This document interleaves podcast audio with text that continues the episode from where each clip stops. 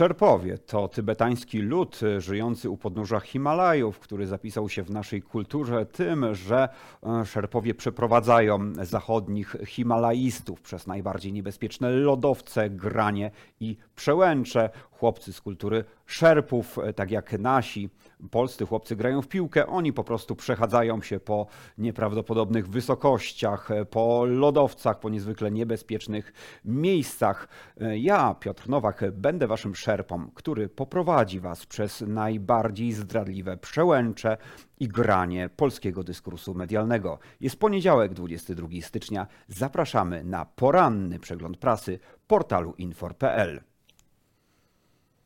2,4 miliarda złotych to kwota, która zostanie przeznaczona na specjalny zasiłek na drugie i kolejne dziecko.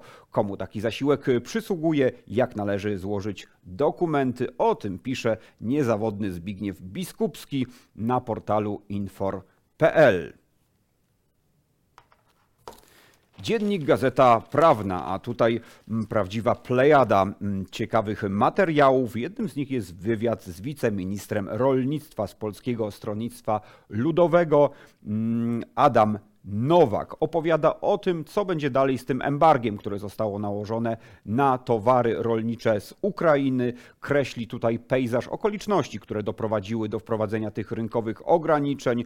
Mowa jest o koronawirusie, który zakłócił mechanizmy i zakłócił również e, łańcuchy dostaw, a następnie wojna na Ukrainie, która doprowadziła do tego, że zalały nasz europejski rynek e, tanie towary z Ukrainy, które nasporzyły sporo problemów rolnikom i doprowadziły do masowych e, protestów. Jak polski rząd zamierza działać i co dalej z tym embargiem? O tym w dzisiejszym, o tym w dzisiejszym wywiadzie z wiceministrem rolnictwa z PSL-u Adamem Nowakiem. To jest dziennik Gazeta Prawna. Również DGP mm, informacja no, frapująca, że mm, Komisja Europejska być może nie przekaże pieniędzy e, refinansujących laptopy dla uczniów. Mówi o tym m.in. minister Krzysztof Gawkowski. Mm, e, pod znakiem zapytania jest e, całkiem spora kwota, bo chodzi o 1,2 miliarda złotych. To dziennik Gazeta Prawna, najnowsze wydanie.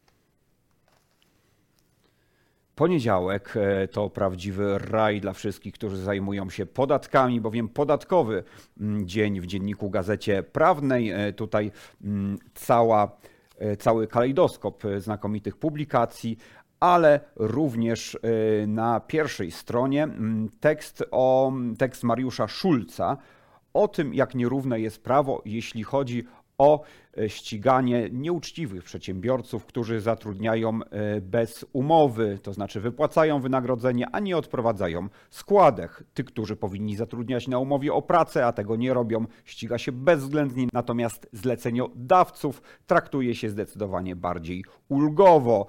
E, o tym, jak wygląda to zjawisko na polskim rynku pracy, jakie instrumenty ma mm, Państwowa Inspekcja Pracy i czy są jakieś widoki na to, żeby to w końcu uregulować na dzisiejszej jedynce podatkowego poniedziałku w dzienniku Gazecie Prawnej.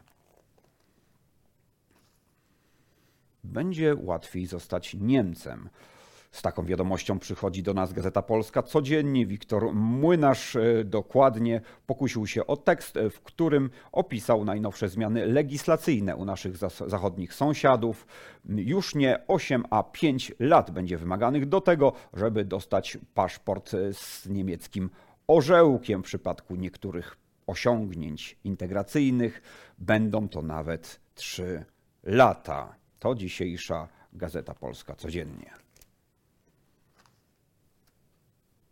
Nowe zwierzątko się pojawiło. Jest to jednorożec. Jednorożcami nazywamy spółki, których, których giełdowa wartość przekroczyła 1 miliard złotych. Taką spółką jest Eleven Labs, firma, która zajmuje się wdrażaniem rozwiązań, które pozwalają między innymi, między innymi na to, że lektor czyta e-booka. Mm, technologia ta w dłuższej perspektywie może doprowadzić również do wyparcia niektórych zawodów, w których człowiek posługuje się głosem. Między innymi przypuszczam również prezenterów programów takich jak poranny przegląd prasy. Więcej o tym pisze Anna Bełcik w dzisiejszym pulsie dnia w dzienniku Puls Biznesu. Kosztowna decyzja Ministerstwa Finansów to tekst na dzisiejszej jedynce Rzeczpospolitej. Paweł Rochowicz pisze o pewnych turbulencjach związanych e, z wdrażaniem programu krajowego systemu e-faktur, który ma ogromne znaczenie dla prawie dwóch milionów firm.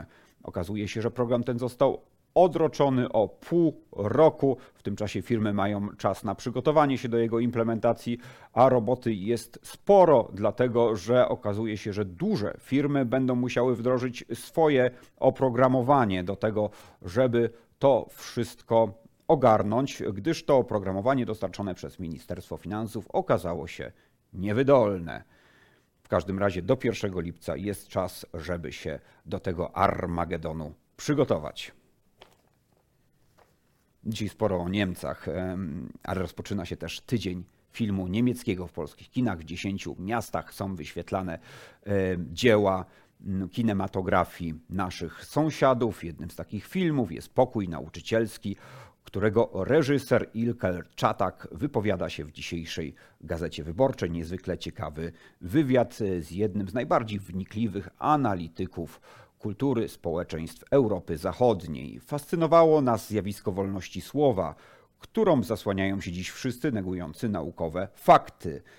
Interesująca była też cancel culture, kultura wymazywania. W dzisiejszych czasach niezwykle łatwo jest zostać trwale skreślonym.